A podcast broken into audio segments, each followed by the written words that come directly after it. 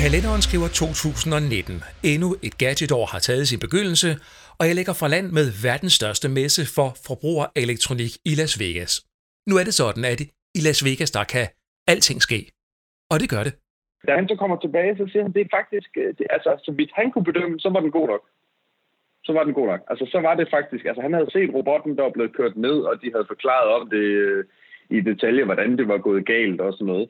Senere får du en opdatering på, hvad de største nyheder så var fra CES, og du kan også høre, hvad der blev af den her robot, som blev kørt ned af en selvkørende bil, når jeg taler med Torben Vognsen fra magasinet Input. Og så har jeg selv været i køkkenet for at prøve fremtidens måde at lave mad på.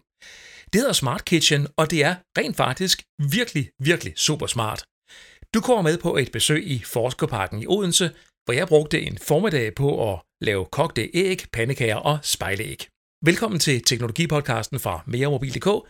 Dette er episode nummer 57, og det markerer samtidig starten på sæson 4. Mit navn er John G.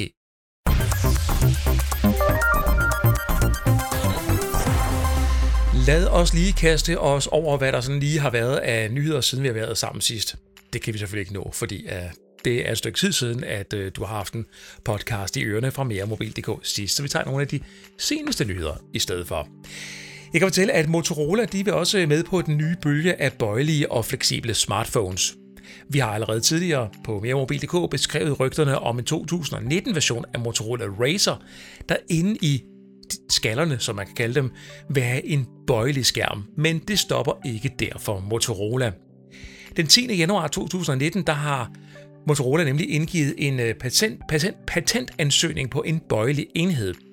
Når enheden den er foldet, ligger skærmen rundt om begge sider, og skærmdelen, der ligger nedad, den er stadigvæk aktiv. Ved at trække fingrene over bagsiden, så kan der fx scrolles i indholdet på forsiden. Og på forsiden, der vil en indikator vise, hvor din finger er på bagsiden. Udover de her scrollbevægelser, så kan enheden her også registrere andre bevægelser, altså de her såkaldte gestures, som for eksempel dobbelttap, zoom, træk, slip, og så kan tryk også registreres, altså hvor hårdt at du trykker. Ligesom en computer, der kører med to skærme, så kan indholdet også på den her mobil trækkes mellem skærmene. Patentet det beskriver også to intelligente kameraer, der holder øje med brugerens ansigt og øjne for at fastslå, hvilken af skærmene, der bliver kigget på. Enheden den kan foldes helt ud, så de to skærmdele de danner en stor skærm. Jeg har set de her koncepttegninger i patentansøgningen, og dem kan du også se på meremobil.dk, og det ser faktisk ret cool ud.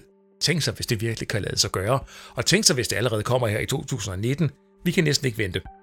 Samsung de er også på vej med deres bud på en bøjelig smartphone, og Samsung har faktisk bekræftet, at de på Mobile World Congress i Barcelona i slutningen af februar vil fremvise deres bud på en smartphone, der kan bøjes eller foldes. Så det bliver lidt spændende år, vi går i møde, kan jeg vist allerede nu sådan øh, løsligt konstatere. Hvis du vil have verdens bedste kamera til billeder og video i en smartphone, så har du lige nu to muligheder, som det står her. På en delt førsteplads i en ny kameratest fra DSO-mark, der finder vi Huawei Mate 20 Pro og Huawei P20 Pro, der i DxOMarks omfattende kameratest begge scorer 109 point som samlet score. Huawei Mate 20 Pro den har tre gange optisk zoomlinse, og det gør den her telefon til verdenslederen inden for zoom med en smartphone. Overordnet set er Huawei Mate 20 Pro let at anbefale til både mobil- og videofotografer, skriver DxOMark blandt andet i deres konklusioner. Hvis du køber Huawei Mate 20 Pro eller P20 Pro, får du smartphones med kameraer, der ligger væsentligt over, hvad konkurrenterne på kameralisten de præsterer i øjeblikket. Det vil sige iPhone 10s Max, HTC U12 Plus og Samsung Galaxy Note 9. De her tre telefoner de ligger henholdsvis nummer 3, 4 og 5 på listen fra DxOMark. Intet tyder dog på, at rygterne Intet tyder dog på, undskyld, at udviklingen inden for mobilkameraer er stoppet. Ifølge rygterne, så vil Huawei P30 Pro, der præsenteres i år, have et quad-kamera setup, altså fire kameralinser. Og vi forventer også Nokia PureView i foråret, der angiveligt får fem kameralinser. Og så går der rygter om en Huawei Mate 30 Pro, der vil se lyset, og ikke mindst dagens lys, til efteråret, ligeledes med et øh, 5-kamera setup. Så det er jo det er jo helt vildt, så det bare fortsætter og fortsætter inden for, inden for kamerateknologi, må vi jo i den grad konkludere. Jeg vil gerne lige øh, slå et slag for ansigtsgenkendelse. For ansigtsgenkendelse, det er langt fra en sikker beskyttelse af dataene på din smartphone. Det dokumenterer en omfattende test, som Konsumentenbond, en hollandsk forbrugerorganisation, den står bag. Hele 42 smartphones ud af 110 testede modeller, den kunne, de kunne snydes med billedet af en bruger. Samsungs mellempristelefoner Galaxy A7 og Galaxy A8 er på listen over telefoner, der kan snydes, mens topmodellerne Galaxy S9 og Galaxy S9 Plus samt Galaxy Note 9 ikke fejlede testen. I en video, der har jeg tidligere vist, den kan du se på min YouTube-kanal, hvordan Huawei P20 Pro kunne snydes med et billede af mig selv. Det var jeg faktisk selv ret overrasket over, at det kunne lade sig gøre. Huawei P20 og Huawei P20 Lite, der er i den samme familie, er også at betragte som usikre telefoner, der kan snydes med et billede af brugeren. Ingen af Apples telefoner fejlede den her test, og det skyldes jo nok den avancerede 3D-genkendelsesteknologi, hvor der skydes 30.000 infrarøde punkter i ansigtet på brugeren, hvorefter resultatet aflæses af en sensor. Topmodellen Huawei Mate 20 Pro er den første Android-telefon med et system, med et system, der er tilsvarende Apples, som i øvrigt også er godkendt af eksperterne.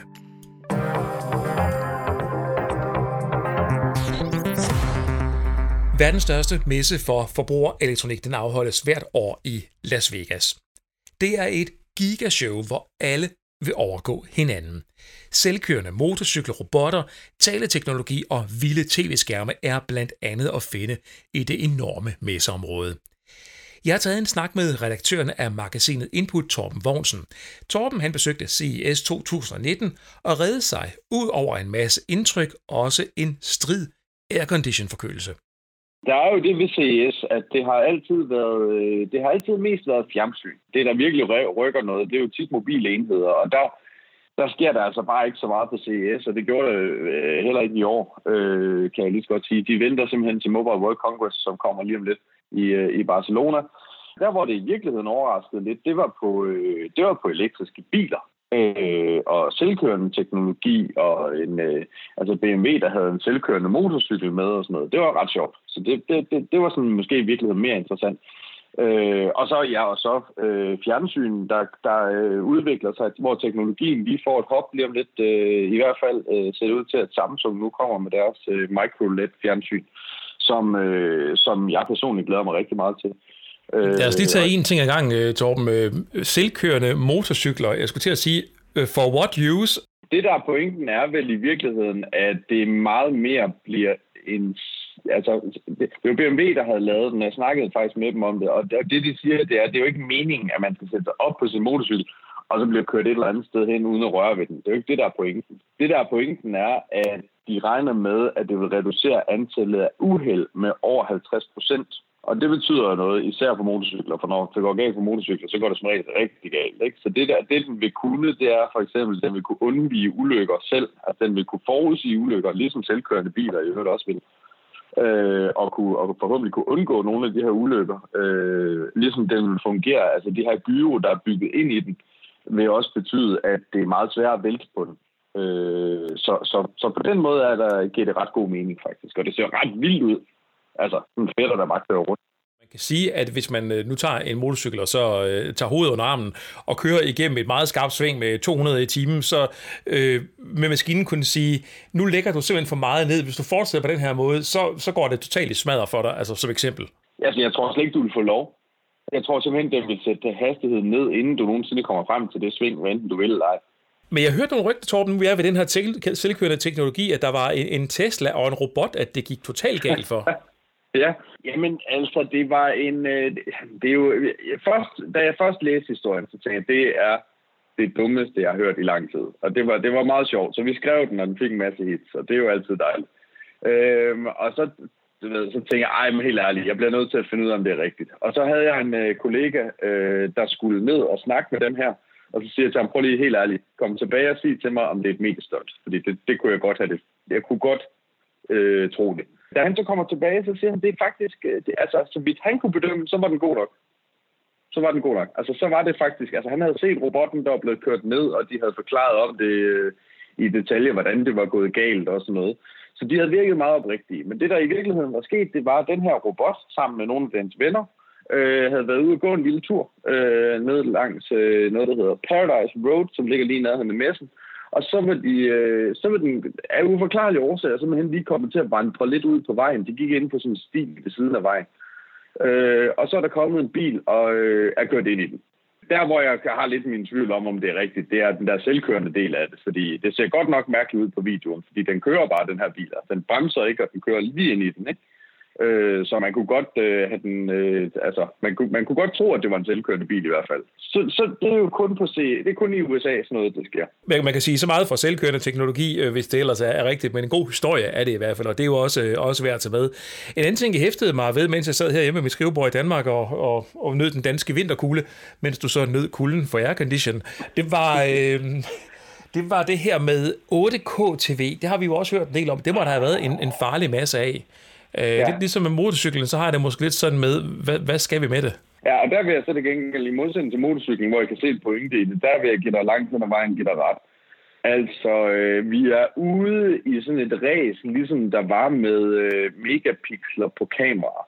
Jeg har det lidt sådan med det, at du skal jo op i, for mig at se, jeg tror, vi skal, hvis, hvis materialet er godt, og det er lidt det samme som megapixel-ræset. Ikke? Altså hvis, hvis det er sådan, at du tager et billede i, i, øh, i, i høj opløsning ved gunstige forhold og så videre, så kan du sagtens, så er det et spørgsmål om tippen, der sidder der meget mere, hvordan den udregner det, end det er et spørgsmål om, hvor mange pixler der er på det enkelte billede.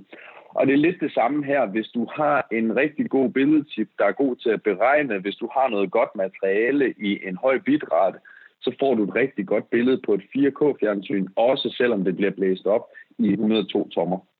Og der tror jeg simpelthen bare ikke rigtigt på, at 8K kommer til at betyde ret meget mere end endnu en belastning for vores i forvejen lidt trætte netværk. For mig at se, så er det sådan lidt en, endnu en af de der ting, ligesom 3D var, hvor, hvor at øh, producenterne rigtig gerne vil have noget at klaske på kassen. Der skal stå noget nyt på kassen, så vi ligesom skal ud og købe det. Men i praksis, øh, et, findes der ikke noget øh, 8K-materiale endnu. Altså, det er så lidt. Og derudover, så, så har jeg svært ved at se, altså med mindre igen, når vi kommer over 100 tommer, så begynder vi at kunne snakke om det igen, ikke? fordi så, så bliver pixlerne så relativt store, at det begynder at give mening at, at, at udvide antallet.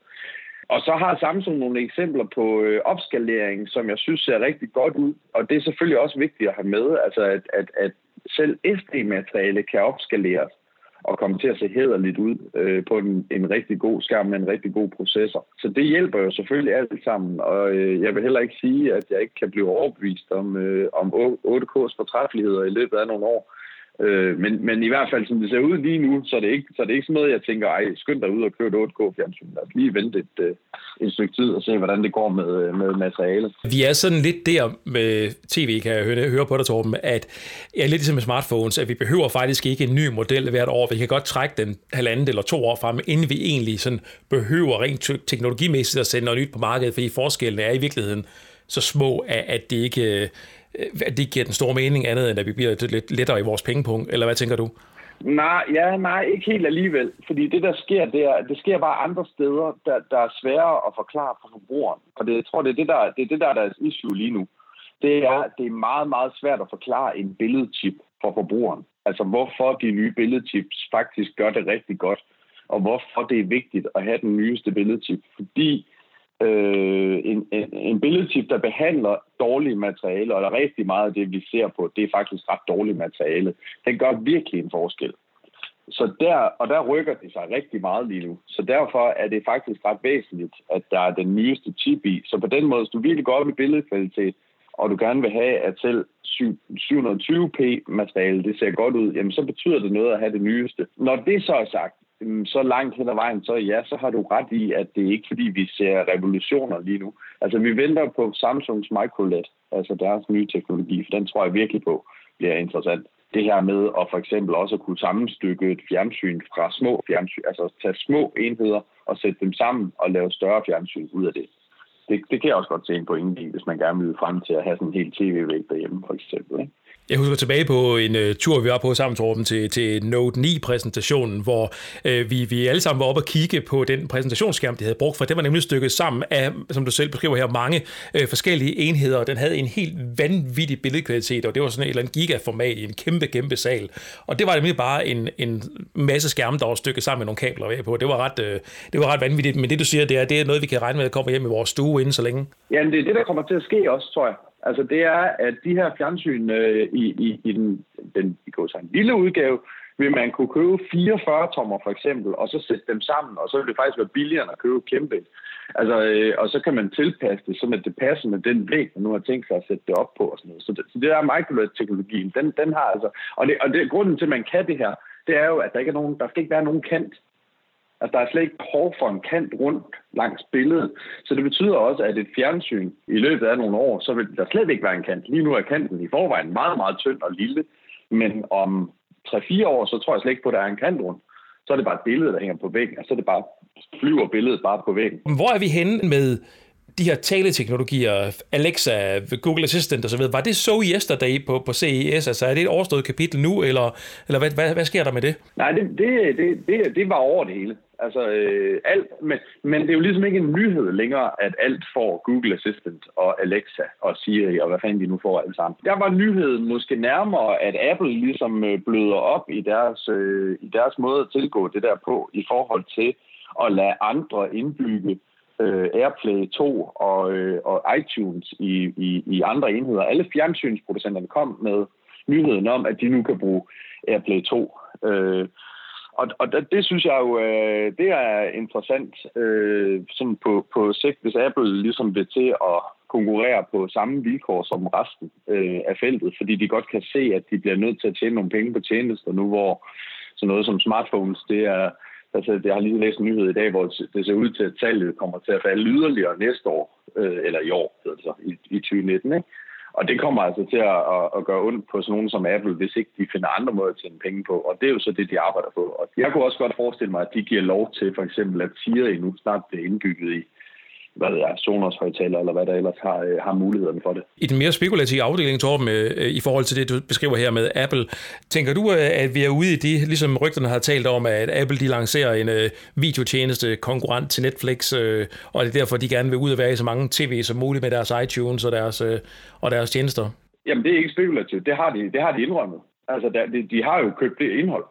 Så, så øh, de har jo lavet, de, altså de har, de har øh, film på vej, de har serier på vej, og det har slet ikke været øh, hemmeligt omkring. Det, der er interessant i forhold til Apple og i forhold til den, de her tjeneste, øh, den her tjeneste, de har tænkt sig at lancere, det er, hvordan bliver den stykket sammen? Bliver det sådan en reel konkurrence til Netflix? Det tror jeg ikke, det gør. Jeg tror, det bliver indhold, som er gratis for Apples hardware-brugere, men som andre skal betale for at bruge. Og det vil, øh, fordi Apple har altid været et hardware, hardware-selskab, så deres interesse ligger i at få så mange til at købe deres enheder som muligt. Og hvis det for eksempel er det, der kan tippe dem over fra ikke at købe en Android-telefon, men i stedet for at købe en iPhone, øh, at de får en, øh, en gratis, en helvedes, en gratis øh, hvad kan man sige, øh, tv-serie og film med, som de synes er interessant, jamen så kan det være, at det er det, der er deres konkurrenceparameter øh, så vil de selvfølgelig gerne tjene penge på det også, og derfor øh, sprøjter det så ud på så mange som mulige øh, platforme. Men det er klart, hvis du ser på, øh, hvis du har et fjernsyn, hvor du kan se de her tv-serier på Apples tjeneste, og der skal du betale, whatever, 100 kroner om måneden, et eller andet. Men du kan bare købe en iPhone, så vil du have det gratis. Så vil man måske overveje det. Så, så jeg tror virkelig, det er en Apple, øh, det er sådan lidt, og så kan det godt være, at på sigt, der kommer det til at tjene, øh, skulle, skulle tjene penge ind, altså der kommer det til at koste penge, men jeg tror fra starten af, at man umiddelbart tanke, at det bliver gratis på, på Apples hardware. Når du sådan læner dig tilbage i stolen øh, sent på aftenen nu og tænker tilbage på din uh, tur til Las Vegas, er der noget, der sådan står tilbage, der står mere klart end noget andet? Øhm, Ja, altså, Tavsheden siger jo alt. ja, det er, det er der ikke reelt. Altså jo, det er der alligevel. Fordi det, jeg tror, vi... Altså, jeg, jeg tror, øh, vi er jo begyndt at, at, at tale meget om elektriske biler og selvkørende biler og sådan noget. Jeg tror, at det er der, hvor der kommer til at ske en, øh, en, en gevaldig udvikling inden for den næste stykke tid. Altså, men jeg tror, vi skal til at se bilerne som en stor gadget på hjul mere end en, en bil med noget, hvad kan man sige, indhold koblet på, så vil, så vil indholdet, altså, så vil, så vil content ligesom være oplevelsen, når man sætter sig ud i bilen. Øh, og der vil komme en hel masse forskellige tjenester og ting og sager til bilerne.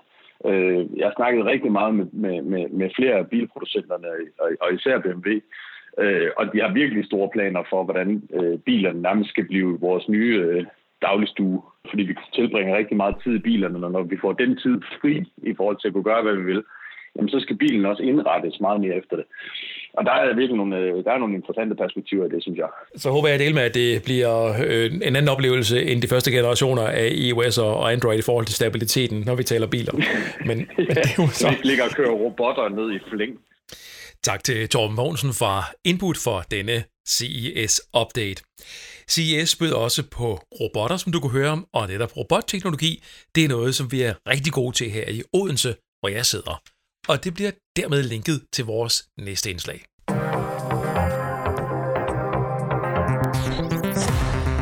Hvorfor bliver pandekagerne aldrig ens, og hvorfor sejler spejlægget hen over hele tallerkenen, og hvorfor er bøffen gennemstegt, når den skulle være medium? Svaret er blandt andet, at vi ikke aner en hujende fis om, hvor varm eller hvor kold panden er. Nu skal du komme med i Forskerparken i Odense. Her sidder en tidligere robotingeniør med en løsning på det problem.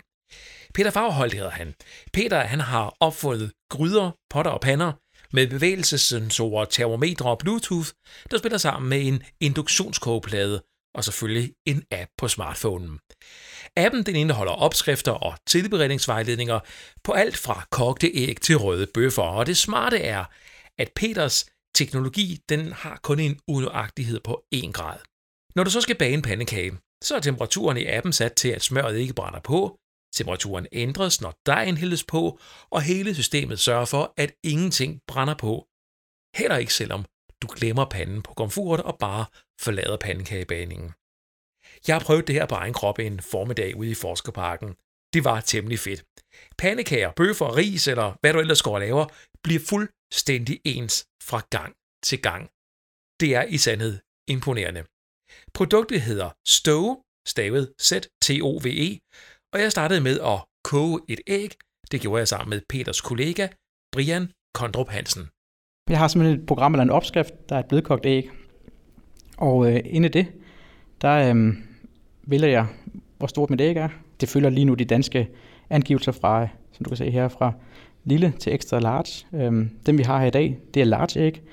Og jeg kan godt lide dem på øhm, den tilberedning her i vores, øh, i vores app, hvor det bliver blødkogt. Og øhm, jeg har gjort det her mange gange, så jeg har jo fundet min præference. Nu er vi egentlig ved at være klar. Jeg lægger ægget i gryden, og så hælder jeg bare lige ganske lidt vand i. For dem, der lytter med, kan jeg sige, at der er kun vand nede ved ja, nærmest fødderne af ægget, kan man sige. Ja, lige præcis. Det vi egentlig har forsøgt at lave her, det er jo, hvis man kender den traditionelle æggekoger, mm. man har stående som en køkkenapparat hjemme, den, den damper ægget, og det er egentlig lidt det samme, vi gør i opskriften her. Så når jeg nu sætter i gang, her vælger jeg, har lagt det i min gryde, og det står på mit uh, plus 1.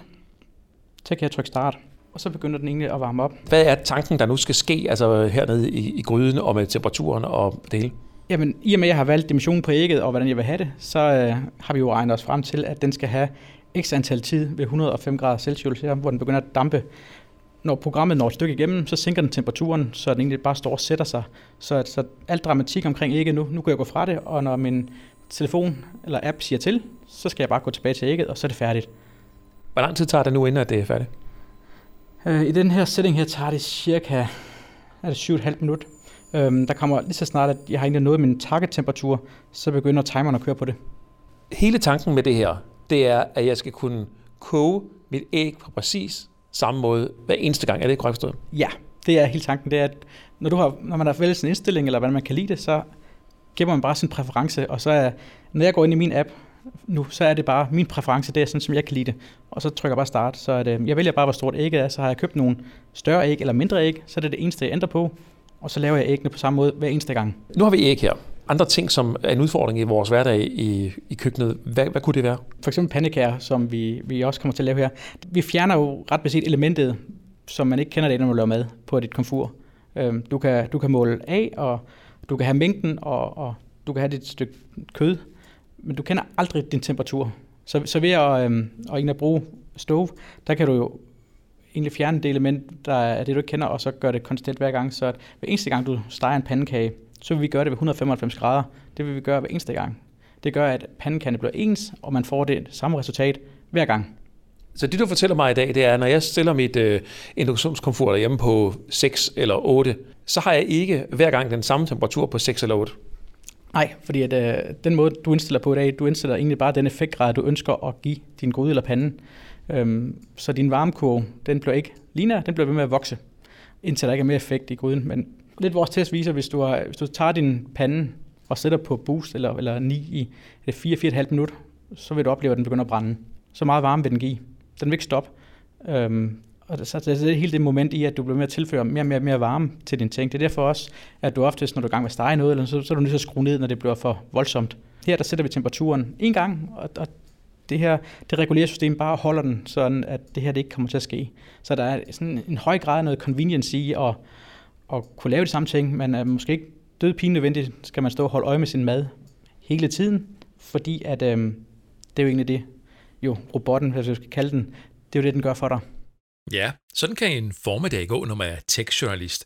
Jeg lavede også pandekager på den her tur, og på meremobil.dk kan du se et indslag, et videoindslag, jeg har lavet, hvor jeg viser, hvordan det fungerer. Men i korte træk, så fortæller appen dig, at nu skal du putte smør på, det fortæller, at nu skal du hælde dej på, nu skal du vende, og nu skal du tage af.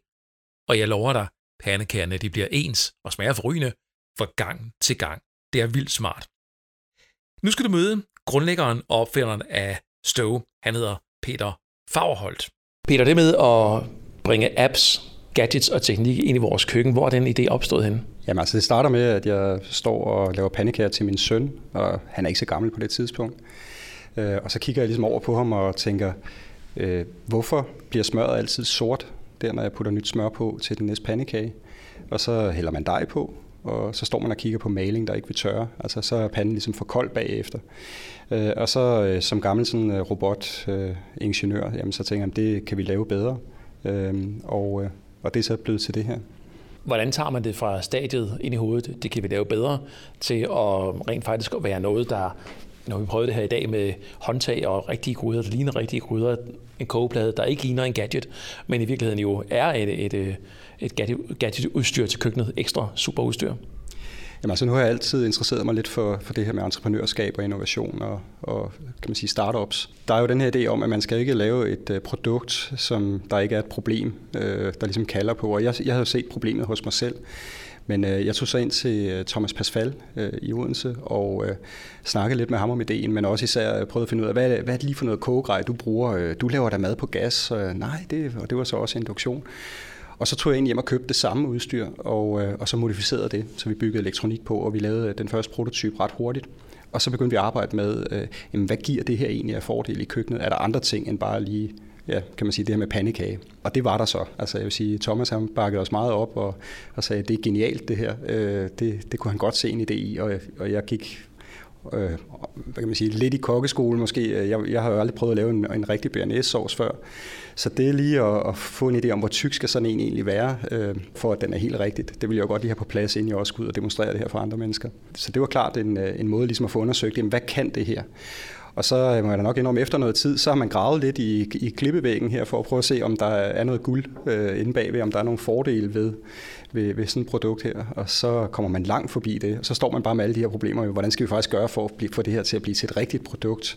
Noget, vi kan fremstille. Hvad med godkendelser? Øh, og jeg vil nok sige, at de første gryder, de var jo nok ret kostbare, øh, når, vi, når vi regnede ud, hvad det egentlig gik ud på øh, at, at, at lave det. Så, så det at, at komme fra den første prototype og så over til et øh, produkt, som, som vi kan sælge. Og så nu er vi så i gang med, kan man sige, at bygge ikke bare produkter, men, men sådan set også virksomheden, der kan føre det her ud på markedet. Og det er en lang proces. Du fortalte mig for lidt siden, inden vi gik i gang her, at vi har været vant til at kunne styre vores temperatur med termostat i en ovn, men, men kogepladen, det har været sådan et øh, autonomt område, der har kørt sit eget liv. Prøv lige at fortælle det. Der er jo mange, der, øh, når man præsenterer dem for ideen her første gang, så siger de, ah, men altså hold nu op, øh, hvorfor skal jeg dog have en øh, blå lysstyrke i håndtaget på min pande, hvis jeg bare skal lave et spejlæg? Øhm, og der må man så sige, at det er da heller ikke sikkert, at du skal det. Men øhm, man kunne sige det samme omkring øh, eltandbørster. Øh, jeg ved ikke, de der er gået hen og blevet meget populære, men øh, er det bare fordi, vi er dogne i armen, eller øh, tage et, øh, et almindeligt strygejern, der kan man jo i dag også sætte den på silke eller på bomuld. Og jeg har en, en pande, vi kan sætte på bacon eller spejlæg, eller hvad, hvad man nu ellers går og laver. Så øh, jeg ser det bare som et, et naturligt næste skridt. Altså vi ser vandhaner, der kan spytte kogende vand ud, når man skal bruge det. Det er også bare noget pjat, ikke? Man kunne jo også bare øh, varme det i en gryde. Øh, jeg tror bare, det her det er det næste skridt. Øh, det er helt naturligt. En induktionsplade med fire zoner, inklusiv tre styks kogegrej, med den her teknologi koster vejledende 16.000 kroner. Du kan læse mere om Stove på nettet på ztove.com.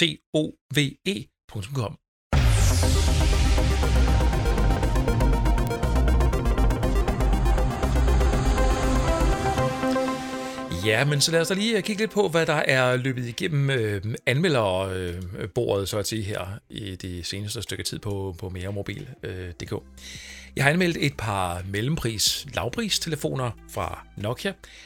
Nokia 5.1 Plus og Nokia 8.1. De koster henholdsvis 1.500 kroner og 3.000 kroner uden abonnement.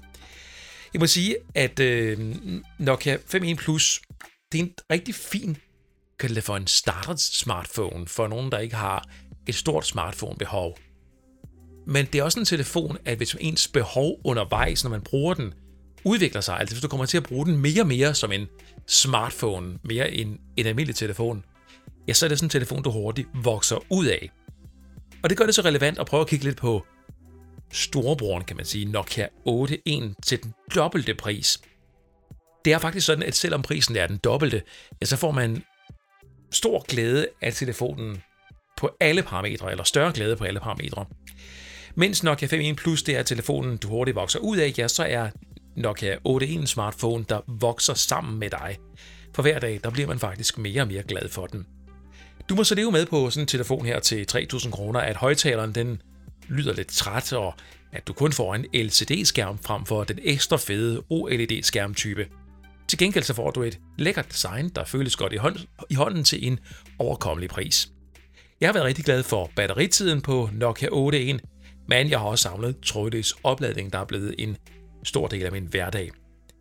Billederne, som telefonen tager, er sådan lidt gennemsnitlige, men alligevel der formår kameraet at klare sig ganske fint, om men du dog på dyre telefoner vil kunne få et endnu bedre kamera, hvis du giver lidt flere penge for det, eller rettere nogen flere penge for det.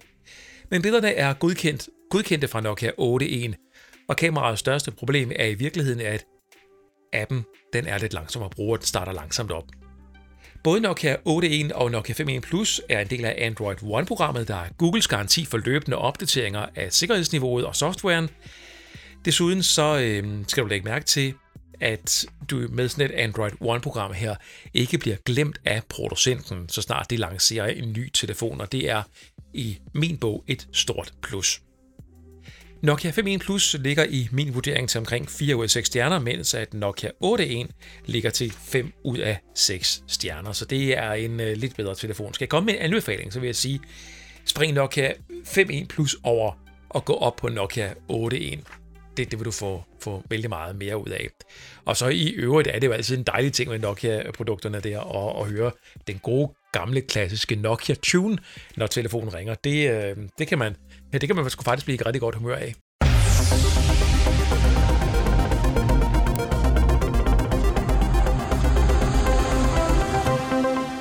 Her i 2019 håber jeg fortsat på at få din hjælp med podcasten. Alene det, du lytter med, er en stor hjælp, men en stemme og en anmeldelse i podcast-kategorien på iTunes er også meget velkomment.